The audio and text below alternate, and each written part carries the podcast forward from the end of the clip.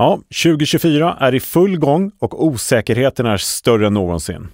Halva jordklotet går till valurnorna i en tid när antalet konflikter i världen tyvärr är rekordmånga. Och ändå är risknivån på börsen låg, för att inte säga väldigt låg. Mm. Som alltid kan ju mycket hända, men nu när sannolikheten kanske är större än tidigare med ökad turbulens, åtminstone i omvärlden, så gäller ju devisen hoppas på det bästa, men förbered dig för det värsta. Med optioner så är just det fullt möjligt för dina investeringar på börsen. Och idag pratar vi om hur du gör. Så häng med!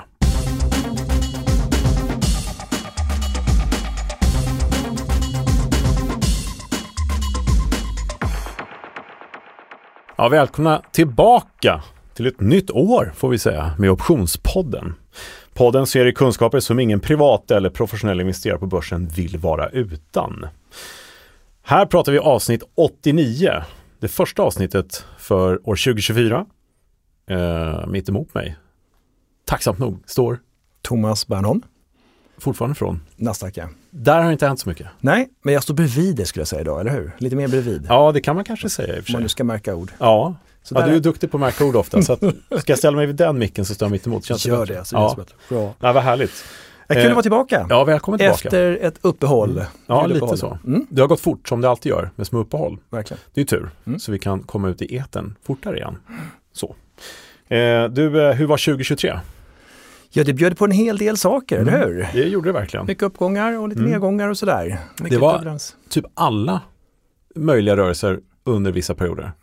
Det kan man säga. som det brukar vara. eller hur? Ja, men det var så vi summerade fjolåret Mm. lite grann också i sista avsnittet förra Mm. året. Att det, det var mycket volatilitet, fanns många möjligheter, i synnerhet Mm. kanske med andra optioner och sådär.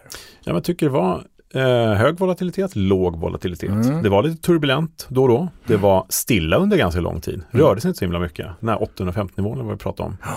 Och sen så eh, var det ju till slut urstarkt. Ja, väldigt kraftiga rörelser, snabba Ja. också. Ja, det var det. Mm. Till och med uppåt på slutet. Ja, men precis. Ja, så summa summarum så var det ganska svårt att skapa sig en, eh, ska säga, en position över tid, hela året faktiskt. Mm.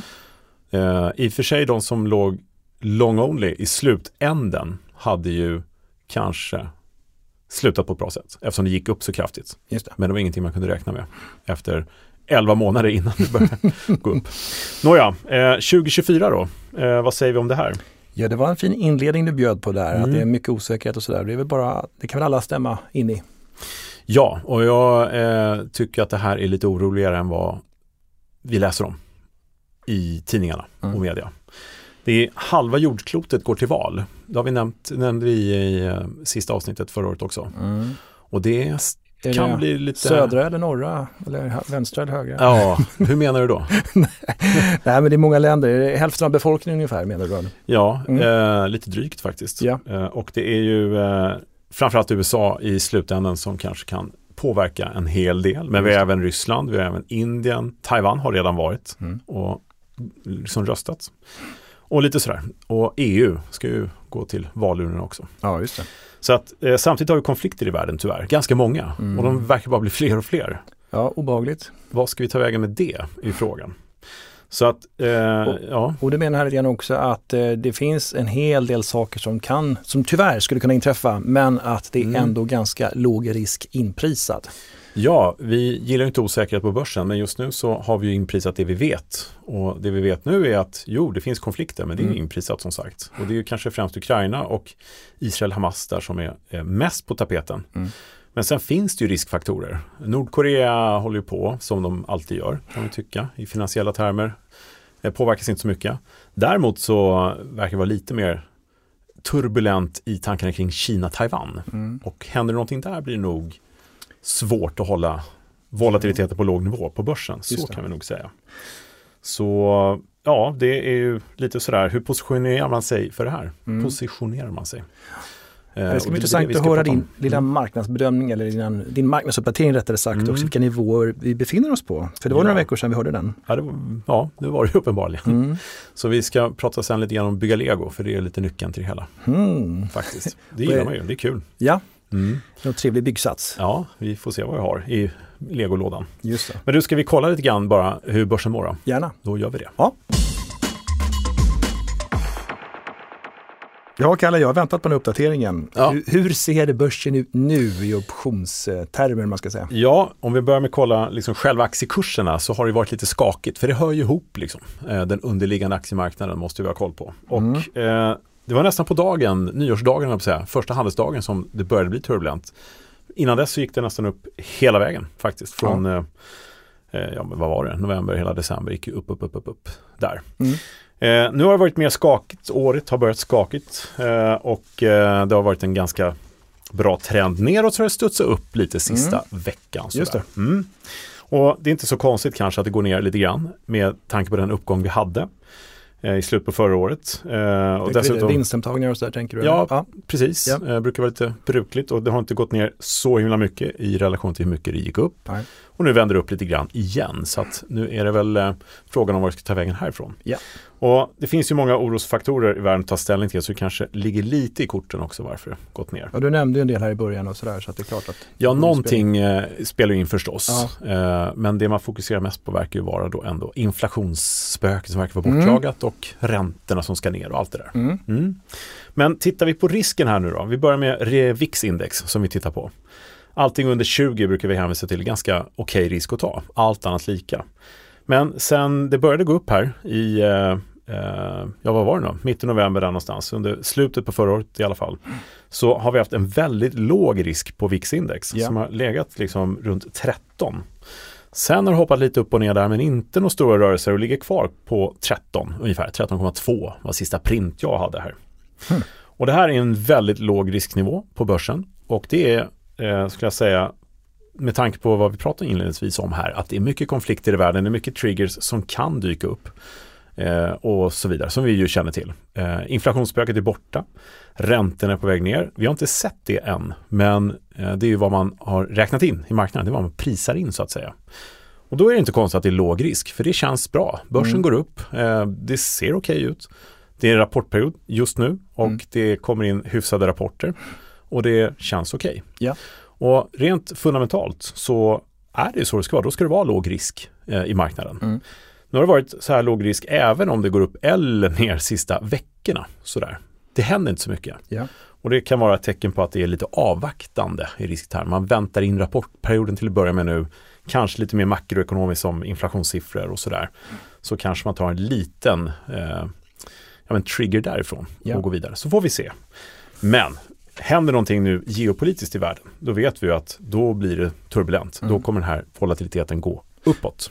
För, för 13-nivån, där låg vi också eh, senaste avsnittet ungefär va? Ja, vi, det det, är ju verkligen, det, har ju, ska man säga, det är en väldigt låg nivå, det måste man säga. För Mm. det var ju uppe och över 20 för inte alls för länge sedan. Nej, vi har, vi har inte rört oss nämnvärt mycket alls. Nej. Man kan säga att volatiliteten i sig har varit lite mer volatil och rörlig sedan eh, årsskiftet. Så Ja. kan vi säga. Men det ligger kvar på låga nivåer, gör det. Mm.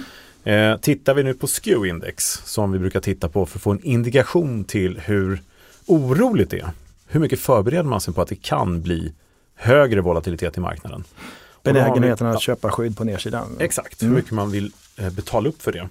Och varför är det bra att veta? Jo, men här är faktiskt ett fakta på hur man faktiskt betalar, vad man är villig att betala för skydd på nedsidan. Hur mycket du vill betala för din försäkring på det du vill försäkra helt enkelt. Mm. I det här fallet dina pengar på börsen. Här har vi en SKEW-index som nu är över 150. Okej, det har klättrat upp en hel del då. Det har det verkligen. Trenden upp sen årsskiftet skulle jag säga är tydlig på SKEW-index. Det har blivit allt dyrare på eh, SKEW-index, alltså på nedsidan. Ja. Eh, och det här är allt annat lika oavsett om börsen har gått ner eller liksom vänt upp lite grann. Så har. SKEW-index hela tiden tickat uppåt. Ja. Så det blir allt bredare mellan prisbilden från at the money till out of the money helt enkelt. Intressant. Och eh, då ska man veta det att 150-nivån på SKEW-index, det har vi bara sett en, en handfull tillfällen sista tio åren. Och innan dess aldrig. Eh, och jag tror första gången vi såg en SKEW-index över 150 var, nu chansar jag lite grann, men jag tror att 2016 kanske. Och vad det berodde på kommer jag inte riktigt ihåg här nu, men varje gång vi haft den här nivån så har det nästan uteslutande eh, slutat med högre volatilitet. Kanske inte en ihållande nedgång på börsen, men åtminstone en mer turbulent marknad. Mm. Så det är värt att ta med sig och det här är det som är hyfsat osynligt annars Mm. för gemene investerare. Så. Just det. För om vi jämför då när VIX har legat ganska stabilt där runt 13 nivån sen, sen sista avsnittet i alla fall, mm. så har vi haft en ökning från, vad var det, 136 eller 137 någonting. Ja, alltså, precis. Det, det är markant. 130, ja. just det. Ja. Uh, upp en bit. Så att uh, man betalar dyrare helt klart för ja. skydd på nedsidan om man är redo och beredd uh, ifall det skulle hända någonting här. Mm. Och tittar vi då på ration här, så den lilla överkursen, hur mycket man betalar för optionerna på själva VIX-index. Man spekulerar helt enkelt hur mycket turbulensen ska öka eller minska mm. i termer av VIX-indexpunkter. Eh, om du tar då en ratio mellan den volatiliteten direkt tillbaks mot VIX-index som vi brukar berätta och när den kurvan då ligger mellan 6 och 7 då brukar det vara en indikation på att ja, men det är för starkt eller åtminstone en indikation på att man positionerar sig för en kommande nedgång. Precis. Eh, och här har vi just en nivå som har varit en bra bit över 6,5 Sist vi pratades vid här i december så var det på 6,90 ungefär. Ja. Det är ganska högt alltså. Det är det ja. Och vad har vi sett då efter årsskiftet? Jo, men en liten sättning i marknaden. Ja. Det har trendat neråt helt enkelt. Och då har den här eh, ration kommit ner från 6,90 men bara till 6,10 ungefär. Okej. Okay. Det är fortfarande högt. Och det är ett högt skew-index. Och det här indikerar ju att det är en, ska säga, en hög beredskap för nedsidan på börsen. Precis. Och det är en väldigt stor känslighet för negativa moment som kan komma. Så att eh, vi sitter helt enkelt i en låg riskmiljö på börsen. Mm. Allt inprisat så ser det bra ut. Men vi är väldigt känsliga för negativa nyheter. Säg då att exempelvis, gud förbjude att det skulle komma en konflikt av rang, säg att Kina går in i Taiwan. Mm.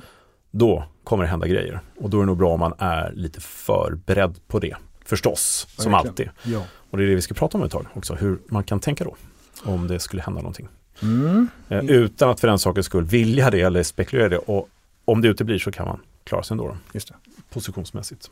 Intressant. Mm. Jag sagt, det där har ju stämt ganska bra, den där ration, mm. genom tiden som jag följt den.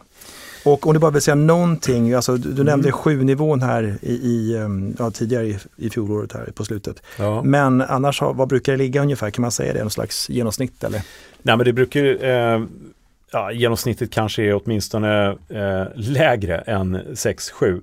Jag skulle säga att någonstans mellan 4 och 5 kan ja. vara eh, något normalläge. Mm. Mm. Är ni mot 3 då blir det omvända faktorer. Ja, men precis. Då är det ja, kanske varit lite väl översålt. Sticka upp lite det. Ja, precis. Just det. kan man gå in och titta på den ration om man eh, enkelt att skapa i Infront till exempel. Ja, och det finns också på optionsbloggen. Absolut, optionsbloggen.se som uppdateras. In och kika. In och kika på det. Mm. Och där har vi även våra egna aktier också. Eh, och eh, edgen vi pratar om. Vad är det för implicit volatilitet i respektive bolag vi har. Eh, bra att titta på. Vi tittar på hur den har rört sig historiskt. Alla bolag var ett för sig. Och hur marknaden värderar risken just nu. Edgen visar då skillnad mellan de två. Om det är lite högre eller lägre risk som marknaden prisar in just nu fram till nästa förfall. Just det. Kan och, vara bra att veta. Och definitionen alltså implicit volatilitet minus eh, eh, alltså realiserad historisk volatilitet. Exakt så. Där har du edgen. Då. Yes. Och här eh, kan vi, eh, det kan vi ta i bloggen, men det finns ju väldigt mycket case som händer här. Vi ska börja utöka den informationen i planen också mm. framöver. Se var önskemålen hamnar någonstans. Men vi har ganska mycket optionskontrakt som faktiskt omsätts som kan vara intressant att veta. Vi har haft stora omsättningar i Ericsson till exempel, hundratusentals kontrakt som är ganska stora mm. eh, trades. Vi har haft eh, verkstad, vi har haft eh, lite Volvo och lite sådana aktier mm. som eh, så lite tips på vägen, titta på omsatta optionskontrakt. För det kan ju skvallra lite grann om vad positioneringen där ute Just det. befinner sig. Allt intressant. Mm. Men om det nu eh, är lite oroligt sådär, ska vi gå in på temat och kolla hur Huvud, vi kan tänka? Huvudtemat för dagen ja. Huvudtemat för dagen. Yes, vi gör det. Då går vi dit. Ja, Kalle, huvudtemat. Mm. Är det tre strategier, eller? Ja, vi tänkte ju det, kunde vara mm. lämpligt. Tre strategier för ett, ja, jag ska säga eventuellt oroligt år på börsen. Just det, eventuellt där ja. Ja, mm. eh, för det är ju allt som så. Eh, en del frågor kommer eh, som är ungefär, hur gör jag för att förbereda mig om det går ner jättemycket? Mm. Och det finns ju ett engelskt uttryck som heter trying to catch the falling knife, mm. eller hur? Och det är ju svårt att fånga en fallande kniv. Det kan göra ont också. Ja, det kan göra mm. Så man vet ju inte när det händer någonting. Och eh, eftersom optioner går till förfall en viss tid i framtiden. Tidsbegränsade. Ja, så kan det vara svårt att tajma in det här raset som kommer. Så hur ska vi tänka då? Och har man bara aktier, då är det kanske ännu svårare för då är man kanske van vid att inte göra någonting. Om man inte är ordningsam och har liksom en mm. målsättning och säljer sin mm. aktie, köper en ny och sådär. Man har defensiva aktier och den här biten. Men går det ner så går det ju ner. Och har du aktier då är det ofta så att du får bara sitta och vänta tills det går tillbaka upp. Eller? Ja, exakt. Många gör ju så. Så hur gör vi då? Här har vi lite recept på det, tänkte jag. Mm. Men förutsättningen är då så att vi har haft en stök inledning på börsen i år, 2024. Så är det ju. Vi har väldigt låg volatilitet, risk i aktiemarknaden, trots allt. Det har ju mm. varit stökigt och vad brukar ske i börsen, på börsen när det går ner? Vad händer då? Då brukar volatiliteten Precis. stiga. Och kanske ska förtydliga där, det är alltså låg implicit volatilitet, det vill säga de prisas ganska mm. lågt, eller hur? Ja, så. väldigt lågt. Ja. Så. Det skapar ju på ett sätt lite förutsättningar och mm. eh, bra lägen för saker och ting. Men hur gör vi då om olyckan, som vi kan uttrycka det för, är framme och en kraftig nedgång kommer? Och definiera kraftig nedgång vet jag inte, men 10% ner till 30% om det kommer en större nedgång eller en mm. negativ momentum på marknaden. Ja, mycket kan ju hända och eh, du nämnde en hel del saker som är olika hemskheter. Det är klart, då kan mm. det röra sig mycket neråt. Absolut. Ja, mm. det vi vet eh, idag är ju att sannolikheten i alla fall är ju större och den är större än kanske någonsin tidigare faktiskt, att vi kommer få se en högre volatilitet framöver det här året. Mm. Än lägre i alla fall. Det är inte helt omöjligt, men det är ju ganska logiskt att det är mindre sannolikt att vi ser ett VIX-index på 10 eller under det ja. om tre, fyra månader ja. än högre förstås. Och sen då det här bygga lego. Vad menar vi med det? Det har vi pratat om förut, några gånger. Mm. Och det är lätt att se framför sig man lägger på klossar på varandra och bygger någonting bra. Mm. Kanske stabilt. Något vackert. Ja, ja, så det är där vi ska börja tänka. Just det. Då har vi tre stycken strategier. Mm. Titta vad kommenterade du sa, jag tror att det var mm. din punkt tre där. Hur gör vi om olyckan är framme och en mm. kraftig nedgång kommer? Och um, Det gäller ju att vara lite tidigare då kanske, ligga i mm. framkant där så man inte ja. väntar på att olyckan har skett. Så att säga. Nej. Det är väl det du far efter lite grann också? Det är exakt det. Ja, precis. Och det brukar oftast vara så att man läser om oron, man känner av oron. Mm. Vi kan ta corona som exempel. Redan eh, december 2019 så pratades det om corona, att det kan bli liksom illa om det sprider sig och mm. i januari där så var det ganska påtagligt att det här kan bli en pandemi om det vill sig illa. Och det var liksom restriktioner som kom lite, alltså redan där och då. Och sen i februari var det ju igång, men börsen hade fortfarande inte riktigt reagerat. Nej. Förutom plötsligt, ja. pang, då, då var det ju liksom en riktig nedgång. Mm. Och där menar jag, har man lite indikationer eh, på att ah, här är någonting som kan vara på gång. Och med lite god tur så behöver det inte bli så farligt. Nu blev det det där och det blev så finanskrisen förstås. Så redan där hade vi då också lite indikationer på att det var mm. lite oro i kulisserna så att säga. Mm. Här har vi då våra index som vi pratat om precis. SKEW-index och de här Volatility of VIX-index och de här och VIX-index i sig självt. Som kan ge oss lite av de här eh, mm. indikationerna faktiskt. Bra hjälpmedel där i analysen. Ja. Men av tre strategier så du och jag pratat ihop oss lite grann, eller hur? Just det. Och, och vi begränsar oss till tre strategier, kan vi säga ja. till att börja med. Det finns ju så mycket annat man kan göra också, men vi, vi Det finns det ju, ja. verkligen. Ja. Men den första enklaste, vad är det vi ska börja blanda in i våra portföljer? Ja, så det första man kommer att tänka på det är väl att köpa säljoptionen, en putt. Ja. En försäkring, en Precis. putt. Precis. Mm. Och just det här du nämner att det är låg implicit volatilitet, VIXen är på låga nivåer och sånt där. Det gör ju det att man behöver inte köpa någon dyr option. Nej. Och tror man också på en ökad implicit volatilitet, det vill säga att optionen också värderas upp, mm. så är det inte någon jätteriskabel historia att gå in och köpa en säljoption. Nej. Det är klart, går det upp jätte, jättemycket, då är det inte någon bra sak. Men vi är ute efter Nej. att försäkra oss här och nu, mm. för att sova lite tryggare och så. Då är ja. säljoptionen jätte, jättebra. Precis, och en av de här eh, hindren man har psykologiskt här är att det kostar ju pengar. Mm. Man får betala en del av sina surt förvärvade intjänade sparpengar till någonting som kanske blir värdelöst. Mm. Men hur tänker du när det gäller hemmet, bilen, ja. cykeln? Precis. Där accepterar vi en kostnad ja. för att sova bättre. Exakt. Och hur ofta händer det att det Nej, men det är väl eh, förmodligen då betydligt större risk att det blir en sättning i börsen, ja. eller på börsen ska man säga. Exakt, men mm. paradoxalt nog så är vi mer känsliga för den kostnaden. Det är lite mm. konstigt. Vi räknar hela tiden i avkastningstermer. Är det girigheten som ställer till det? Mm. Psykologin, den ska vi återkomma till här framöver i mm. år faktiskt, för den ställer faktiskt till det mer än vad vi tror. Mm. Men uh, om man tänker sig nedsidan med puttar, mm. då är det ju lite billigare. Men det kräver större nedgångar. Men om den stora nedgången kommer, då har vi hävstångseffekten och får vi dubbeleffekt kanske. Ja, verkligen. Ja. Det är riktigt bra. För att Eh. dels då själva rörelsen som vi brukar Mm. prata om och sen har också den implicita volatiliteten brukar öka. Mm. Då får vi bra effekt på inavda säljoptioner. Yes. Och här, sen sen ja. kan vi alltid diskutera lite grann, men vilken ska jag köpa då? Mm. Vilken löptid pratar vi om? just, Och vilken, eh, vilket lösenpris, vilken Mm. nivå? ja, Och det där finns ju ingenting som bara, det är den här du ska ha. nej, Utan det är lite grann upp till, till var och en. eh, Vilken tidshorisont har vi? Hur ser vi på det här? Och, men det finns ju några saker som jag tycker är bra att lyfta fram och det är det här med eh, hur pass känslig en option är för den implicita volatilitetens förändring. mm. Och då vet vi att köper en längre option rättare sagt, Mm. där är det ju mer känslighet för en förändring i implicit volatilitet. Det vill säga, har du köpt en option med lång löptid, implicita volatiliteten stiger, så kommer det gynna dig mer än om Mm. du har köpt den med väldigt kort löptid. just det. Samtidigt får du betala mer såklart, för en option med längre löptid är ju såklart dyrare. Ja, och det är ju logiskt allt det där. Mm. För att ju längre löptid du har, desto mer sannolikt är det att någonting händer som är till din fördel. Mm. Har du bara några dagar på dig eller en kort tid så är det ju mindre sannolikt. Du har mindre tid på dig. Exakt. Så det är en jätteklok eh, insikt. Ja, dels det. Mm. Men sen har vi det här med val av lösenpris också. Ja. Om man köper en at the money, Mm. eh, och då kanske man ska blanda in det här med de här optionsreglerna lite grann också. Mm. Deltat då till exempel. Just det. Då är det ju så att köper en money, det vill säga där aktiekursen ligger, ett lösenpris i paritet med det, så har du alltså ett delta på minus 0,5. Så att om aktien går ner en krona så har din option bara gått upp med 50 öre. Mhm. Det måste du också titta lite på. Ja, och Och, och ska det gå ner väldigt mycket, om man tror det, då skulle man kanske hellre köpa fler optioner längre ner. För då kommer det liksom bara explodera till din fördel så att säga. mm. Optionens delta stiger, Mm. du har fler kontrakt, det kommer bli riktigt, riktigt bra hävstång. Mm. Men som du kanske köper at the money, ja då har du med att du bara skyddar kanske krona för krona.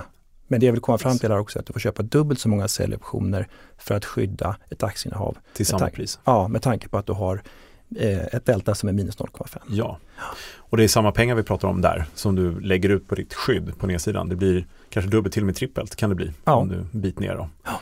Och börjar det röra på sig då är det ju eh, bra Ja. att vara skyddad där nere. Ja men verkligen. Ja, verkligen. Det, det blir riktigt, riktigt bra. Och därför Ja. också som många vill ha de här kraschputtarna som man säger. Mm. Så man betalar upp lite grann för det. Det är därför kanske ser att skewen då, att, att, Ja. att den finns överhuvudtaget. Det är precis så. Det, är ju så. det händer ju hela tiden. Det, Mm. är därför SKEW, det är så vanligt att SKEW-index har skapats en gång i tiden. Mm. Så. så det är inga konstigheter.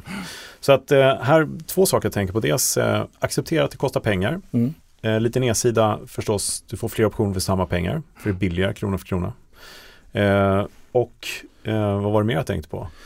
Det var en, förlåt, om Ja. jag, men, men jag tänkte också, vi, vi pratade implicit volatilitet där och vi Mm. pratade vi- vilken löptid man skulle ha och sådär. Men jag tänkte även på det här med eh, tidsvärdet, tetat. Just Det är också ett argument till att du kanske köper en mer långdaterad option. Mm. För du har inte samma tidsvärdeserosion per dag. Det blir inte samma Nej, det. avbränning. Nej. Så det är också en, en bra grej om du tittar på en, en längre löptid helt enkelt. Mm. Och ska man fördjupa sig lite mer, vi brukar prata om andra strategier när man just då vill tjäna pengar på tiden som går. Mm. Då brukar vi säga det att man kanske hellre säljer optioner som har kanske en månad eller två månaders löptid. Mm. För att då, och så upprepar det eh, Ja, gång det. på gång. Wheel. Ja, Typ. precis. Mm. För då får du lite mer än om du bara Mm. säljer en option som har ett års löptid med en gång. Ja, just det. Normalt sett. Precis, så det... Eh, Och det här är omvända. Då köper du en option som inte tappar så mycket. Ja, Ja. exakt. Och det här kan vi ju direkt spinna vidare på, för vi snackar om bygga lego. Mm. Då köper du en eh, eller två eller tre på nedsidan Mm. och du väntar kanske, sett oavsett löptid. Om det börjar röra på sig nu neråt Mm. och du känner att det händer någonting i politiken eller det händer någonting i inflationen eller vad som helst som Ja. gör att det är lite mer skakigt. Så du känner att din oro bekräftas lite grann, du blir lite mer orolig. Då bygger du förstås på, kanske Mm. till nästa nivå. Har det gått ner lite grann och din första option har kanske tickat in lite grann, ökat lite värde, köper du ytterligare ett kontrakt på nedsidan. Så här kan du hålla på tills du är nöjd med ditt skydd. Så du vet att går det ner ordentligt nu, ja, men då är jag fullt skyddad så att det liksom är, känns safe. Ja men precis. Det här är bygga lego som jag brukar säga, liksom man bygger Ja. på med små extra positioner Exakt. när det börjar röra på sig. Och nu sa vi att vi skulle hålla oss till tre strategier, men jag tycker mm. det är jättebra inlägg för att du kan ju även om du har din inhavda säljoption så har du kommit ner en bit. Mm. Du kanske säljer den och köper en annan. Du kanske säljer en option, alltså utfärdar en bit längre ner. Mm. Du har för skapat en putsbredd. Det är svårt att hålla sig till en eh, Ja, det är det verkligen. Så att det finns så mycket man kan ja. göra där, verkligen. Så. Men då, för att hålla lite ordningen så kan vi komma in då direkt faktiskt på strategi två. För mm. att det första är då att köpa en säljoption. Mm. Men gör det med lite eh, sofistikerad strategi. Någon nivå för att hitta under en viss löptid som passar omständigheterna och din marknadstro. Så då har du en putt liksom. Mm. Men om man tycker ändå, nej men det här är lite dyrt. Ja. Eh, jag vill inte göra av med massa pengar från mitt konto. Exakt, och det kan man även tycka fast den implicita vollan är låg. Kan man tycka att mm. ja, det blir ändå några tusen. Ja, verkligen. Ja. ja. det är ändå pengar som ska ut. Ja, exakt. Man kan utnyttja den låga vollan genom att ändå göra av med pengar mm. eh, ännu mer. Mm. Ja, förlåt, då, då, då avbröt jag lite grann. Ja, ja. jag är van. Ja. Nej, men då kan du ju i strategi nummer två som vi har tagit upp här, som vi kallar för FENS, mm. för det blir en FENS, det är att du utfärdar till exempel en köpoption på ett av dina aktieinnehav mm. för att finansiera det här skyddet. Just det. Så hittar du alltså finanser som kan liksom supporta ditt skydd ja. på nedsidan. Just det. Och det är ju bra. Så berätta för mig vad en fens är. Ja, nej men grundtanken där, eller grundprincipen man ska säga, mm. det är ju precis som, som du var inne på här, man kan ju tänka sig att du har aktierna och så gör du som en capital call, du utfärdar mm. köpoptioner en bit upp. Ja. Och med de pengarna så finansierar du skyddet, en säljoption mm. på nedsidan. På index till exempel? Ja, det kan man också göra ja. och det tycker jag är jätte, jättebra idé. Mm. För att det kan ju vara så, man behöver inte fastna i att du tittar på en aktie. Du kan ju kö utfärda köpoptioner på aktieinnehav mm. som kanske också har lite högre implicit volatilitet. Ja. Så samla ihop lite sånt så kanske du köper en säljoption på index istället ja. som har lite lägre implicit volatilitet också. Ja. Liksom.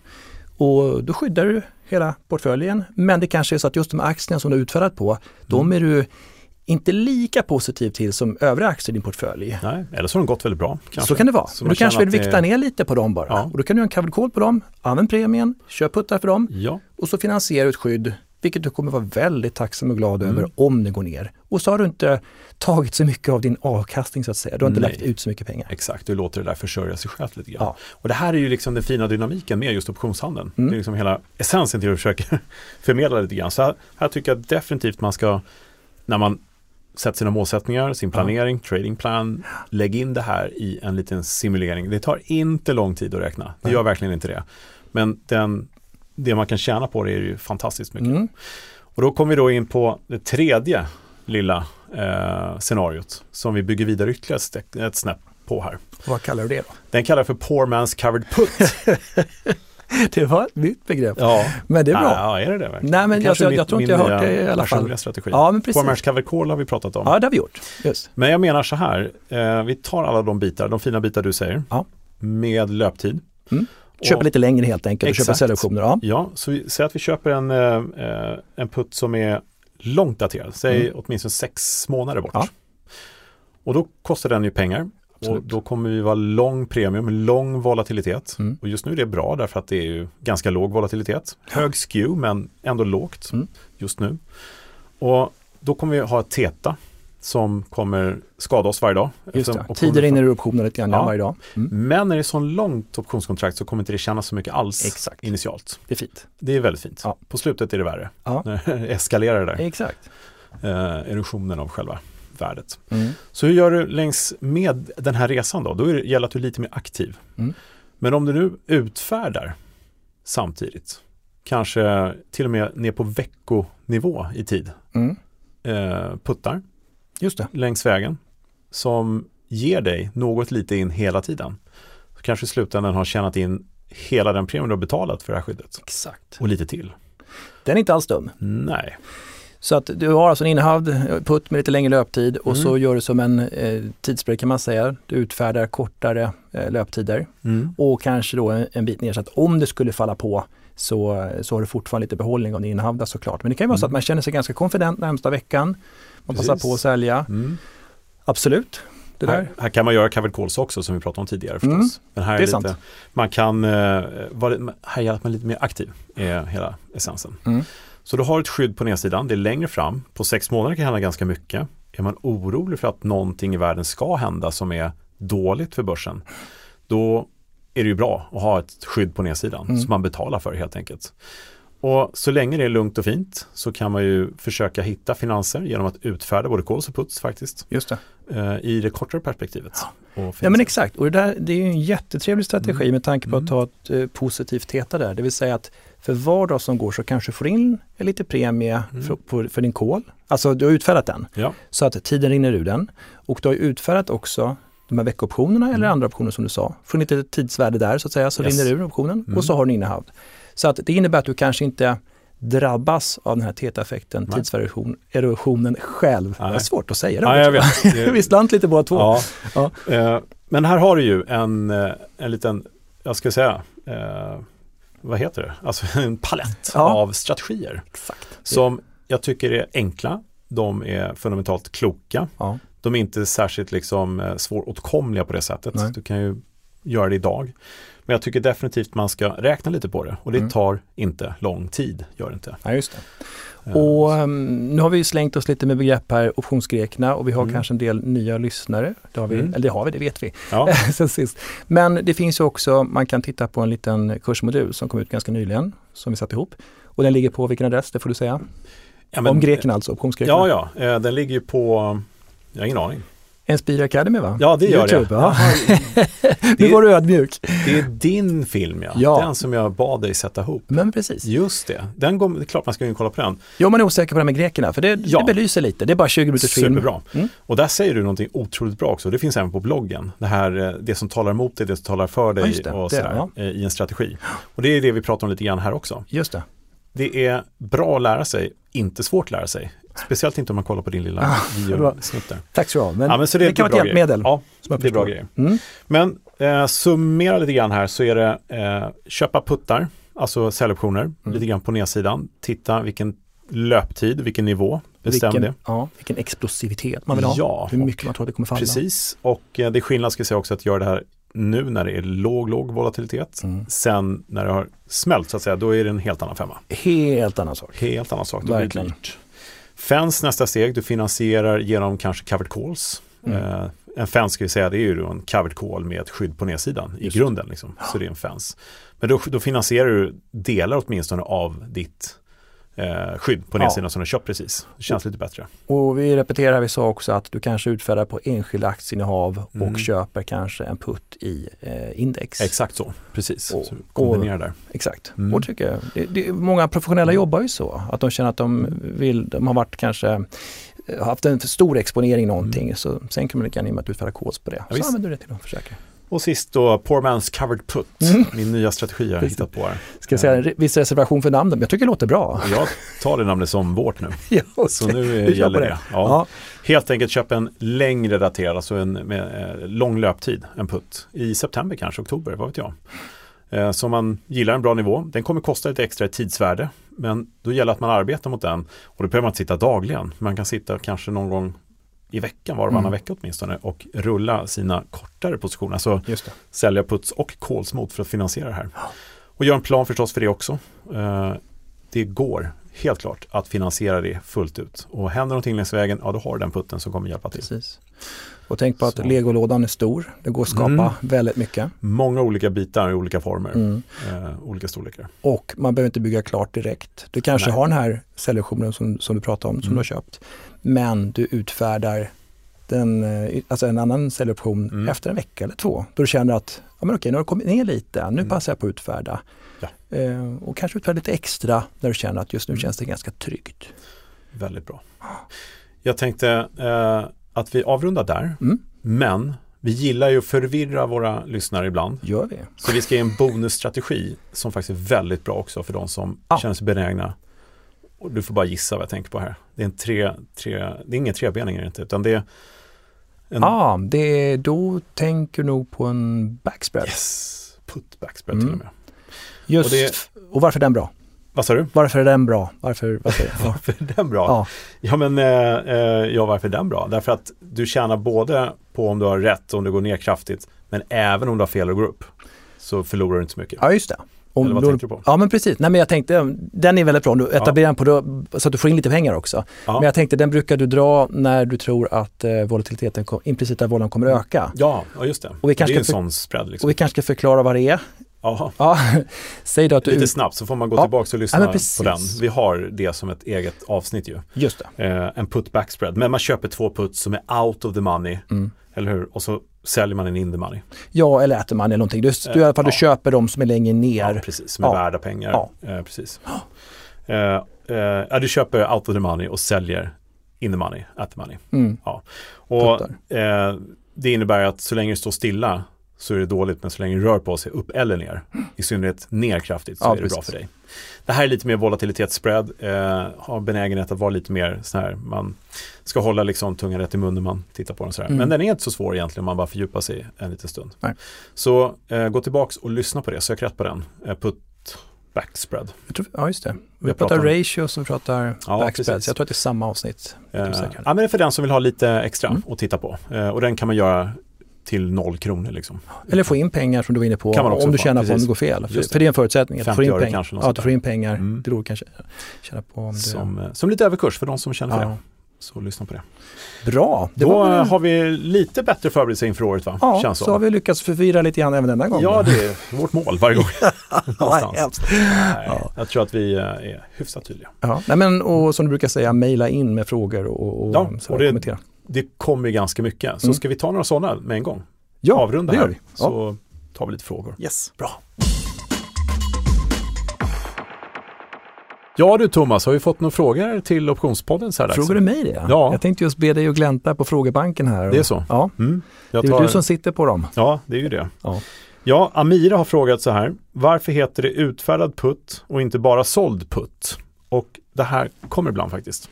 Vad är det för skillnad liksom? Utfärd, varför säger ni utfärdad och inte såld? Man säljer ju. Mm. Varför då utfärdad? Ja men alltså det det, båda förklaring? kan ju vara rätt så att säga. Om du köper en putt först och sen säljer du en putt, då har du ju sålt putten. Liksom. Den som du ägde förut. Båda, ja men det är två olika saker va? Alltså, Jo, ja, jo, ja, men alltså Mm. då, då är det gångbart att säga. att du har sålt den. Ja. Du äger den som Ja. du redan har, då säljer du den. Ja, men liksom. precis. Mm. Och sen är du utnettad så att säga, Ja, förmodligen. ja. Men om du säljer en som du inte äger, det är Mm. ungefär som att blanka en aktie. Typ en covered call. Ja, du utfärdar liksom. Du Mm. säljer en option som du inte äger, som Mm. alla kan göra. Så korta köpoptioner kan man säga. Då Ja. utfärdar man. Fast där, ja, precis. Nu pratar de om putt, men det är samma sak på kol såklart. ja, putt frågar han ja. ja. Ja, men precis. Det, går, det är samma sak där. ja. Så det är helt enkelt den skillnaden. Om du inte äger den Nej. och eh, säljer den, då har du utfärdat. Just det. Det För det finns, optionskontrakten är ju inte färdiga och finns liksom på en hylla utan de skapas ju när ett intresse kommer och det omsätts. Ja, men precis. Eller? Då blir det en öppen balans liksom. Ja, en opening, Ja. en open trade eller vad heter, Mm. trade open. Och sen så när man säljer den igen då stänger man Mm. och då försvinner den. Just det. Var vi tydliga där? Jag, ja, jag tror det är skillnad om du, bara. Om du, om du köper en option och sen säljer den, då Mm. säljer du den. Ja. Om du inte har någonting överhuvudtaget och, och liksom säljer en option som du inte äger redan, då Mm. utfärdar du den. Sen kanske är en vink till oss, för ibland så, så kanske vi bara säljer en putt, fast vi egentligen skulle sagt utfärda. Det kanske är det Amir är ute efter här. Ja. Vet jag. Men, vi, ja, men det är i alla fall den distinktionen. Ja, ut, utfärda, man skapar en ny position. Man utfärdar en position. ja, ja. Hoppas det var tydligt. jag tror det. Det- Ja. Jag tror också det. Annars får han mejla igen. Yes. Ja. Filippa frågar så här, hur mycket extra tid behöver jag lägga på min handel när jag börjar handla med optioner? Också en ganska vanlig fråga faktiskt. ja, just det. En lätt missförståelse, ett missförstånd ofta är att åh, då måste jag ju bli fullt aktiv på börsen, bli en daytrader och sånt Mm. där. Det stämmer verkligen inte. Nej, precis. Så vad skulle du säga? Helt beroende på vilken strategi och vilka optioner man... Eh, Man ska börja, Ja. man är starttagen och vill Ja. Alltså alltså jag kan säga så här, om jag till exempel utfärdar en säljoption, jag vill få på mig en option du inte äger från början. Ja, Mm. precis. Mm. Bra att du poängterar. Mm. Eh, det är ju precis egentligen, jag är lika trygg i den som, är, som ett aktieinnehav skulle jag säga. Ja. Så, så det, jag skulle inte sitta och titta så mycket på den, förutom Nej. att det är roligt då. så, men man Ja. behöver ju inte. Jag ska säga att eh, man ska ta i tid. Om man vill handla optioner ganska bra strategier så inte många timmar i månaden behövs ju. Någon i veckan Extra, kanske, liksom, eller hålla koll på börsen förstås och hålla liksom koll på läget. Ja, Men du behöver inte sitta och börja jobba halvtid för att du behandlar optioner, så är det ju inte. nej precis. Och, och Filippa verkar ju hålla på att handla aktier redan. Mm. Hon skriver hur mycket extra tid hon behöver Ja, lägga. exakt så. Så det är inte mycket mer tid. Man Nej, tittar i marknaden och bara kollar lite grann. Det är ytterligare en position. Så man, Ja. Och som vi säger, ha en bra plan. Och så länge man har en plan innan optionen gått för fall, Mm. då är det ju helt okej. Nu Eller så kan man låta den göra det om man har planen att det är okej. Ja, exakt. Mm. Och nu pratar vi optioner men såklart är du inne på indexterminer och sånt som mm. rör sig väldigt mycket och det är ganska mycket underliggande värde. Ja. Det är en annan sak. Det är det ju. Ja. Och det känner man ju. Så, att säga. Precis. så jag skulle säga att det är den tid man känner för att lägga ner. Ju mer tid du lägger på börsen desto mer har du tid att ägna åt dina positioner förstås. Mm. Så då kan det vara lite mer Förhoppningsvis blir det bättre att det går hand i hand också. Ja, men det behöver inte vara så roligt. Arvid har frågat så här. Hur handlar en proffstrader på en bank med optioner? Kan man göra likadant själv? Hmm. Mm. Eh, då tror jag han är ute efter eh, Arvid i det här läget att eh, professionell trader har ju hela paletten och handlar hela tiden massa ja, men, eh, olika optionskontrakt. Mm. Tänker bara på våra nyckeltal, delta, gamma och sådär. Ja. Kan man göra likadant? Eh, svaret är, skulle jag säga nej. Eh, av den anledningen att en professionell trader sitter ju i en miljö där man har väldigt nära till institutionella mäklare som i sin tur har kontakt med de stora kunderna, det vill säga fonder och liknande. Här fonderna gör omallokeringar, ofta via derivat kanske. Och då kommer den här mäklaren säga till traden, nu behöver jag köpa ja, Volvo-optioner eller mm. SE-banks optioner eller någonting. Mm. Och då är det ganska stor volym mm. det handlar om. Då kommer den här traden få en position att jobba med. Ja. Så det finns ett inhouse flöde av eh, massa positioner som en privatperson aldrig kommer få förstås. Nej men precis, och det är väl den stora skillnaden. Men mm. om man mm. bara går ner på hur man hanterar saker och ting, om man är duktig, sak. ja precis. Mm. Man kikar på grekerna, man kanske mm. inte har en riktningsstrategi, man tänker bara volatilitetsstrategi eller ja, bara sådana saker. Så att, det går ju bra. Ja precis. Men att handla som en professionell trader och kanske hela tiden ha en eh, delta-neutral position på och hela tiden tänka så mm. och räkna på sitt delta som är ganska stort varje dag. Och kanske var Arvid ute efter, jag bara gissar här mm. nu, att man får in ganska bra med kapital och sådär. Det. det. är svårt att uppnå om man inte ja, har flödena hela ja. tiden som man jobbar efter. Precis. För det är en traders eller en market makers uppgift att hantera risken och omvandla det till en profit så att säga. Mm. Men, men, mycket kan man göra i alla fall förutom mm. den biten så det, det, är intressant. Och, så är det. Så att eh, handla som en proffstrader med den sizen och flödena, nej. Men göra som proffstradern gör mm. och handla med strategier, absolut, mm. det går ju. Och där tycker man kan lyssna på tidigare avsnitt också när vi har då olika market makers sånt här. Mm. Ja. Eh, exempelvis från, från SE-banken och sådär. Ja precis, mm. det är flera stycken. Så det kan man också gå tillbaka till. Det börjar bli lite avsnitt nu. Mm. Vad har vi för avsnitt? Det här är 89 va? Jajamän. Shit, många. Ja. Fler ska det bli. ja. Fortsätt skicka in frågor till Optionspodden. Eh, optionspodden.se kan man gå in på och där finns det då en liten knapp numera som heter Fråga podden eller Frågor till Optionspodden tror jag den heter. Så kommer det direkt till oss. Eh, vi läser allt, verkligen allt. Men vi hinner inte svara på riktigt allt, men vi gör vårt bästa. Och de frågor som är ofta återkommande eller de som är riktigt intressanta, de tar vi upp här förstås. Eller de som är av eh, stort intresse mm. just nu. Men vi sparar allting så att förr eller senare kanske dyker upp frågor som ni har ställt. Så fortsätt fråga, tack för det. Har du något ordspråk för dagen? Eh, eller har någon skickat in eller hur ser det ut? Ja, eh, jag har ett ordspråk som jag fått inskickad av okänd. Mm. Eh, och det låter så här. Greed pulls people in and fear pushes them out. Ja. Psykologi va? Mycket psykologi. Mm. Greed pulls people in. Ja, man är girig, man vill uh, försöka göra saker, man vill sätta bett så, så går det kanske bra. Mm. Sen så kommer skräcken, ja men då stänger vi allting och så försvinner man ut. Just det. Det är lite så. Och det är väl det där som också gör att det blir kanske lite kraftiga rörelser ibland. Att mm. uh, jaha, de köper det, jag vill också köpa, nu ska vi in. Ja. Och likaså, alla blir rädda samtidigt och säljer och så blir det en stor nedgång och sådär. Så. Ja, och då psyko avdelning psykologin på börsen är stor, skriver där. Ja. Och psykologin ska vi prata mer om tycker jag, därför att den är så oerhört påverkande. Men inte idag va? Inte just idag kanske, eller jo idag, varje dag. Nu, ja, nu inte, var, inte i podden här va? Det här är ju bara glad. Jo. Det, det, ska du fortsätta en timme till tänkte jag? Jaha. Jag trodde vi började runda av här nu så ska du prata psykologi Jaha. tänkte jag. Det var, ja, ja, ja, det var så det lät. Jaha, du tänkte så. Ja, ja, det kan vi göra om du vill. Nej, jag sa tvärtom, inte idag väl? Okej, okay. ja. ja, jag fattar. Mm. Men är det är bra. Det, visar att vi inte läser rätt ur manuset.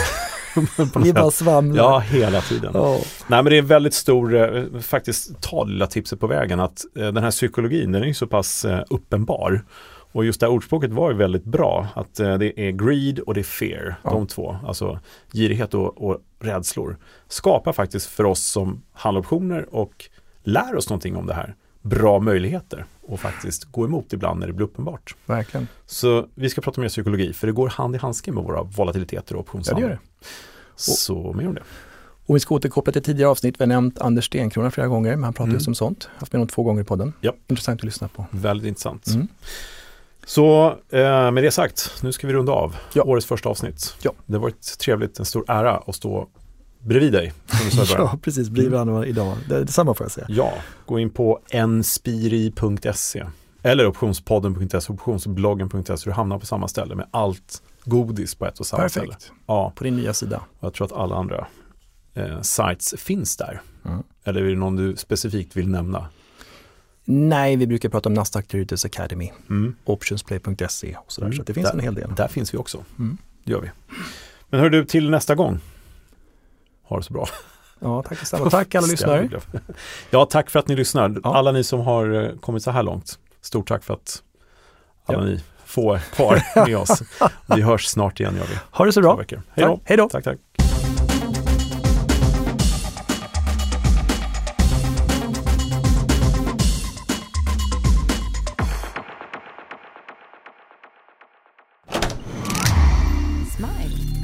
Den här podden har spelats in hos Studio Smile.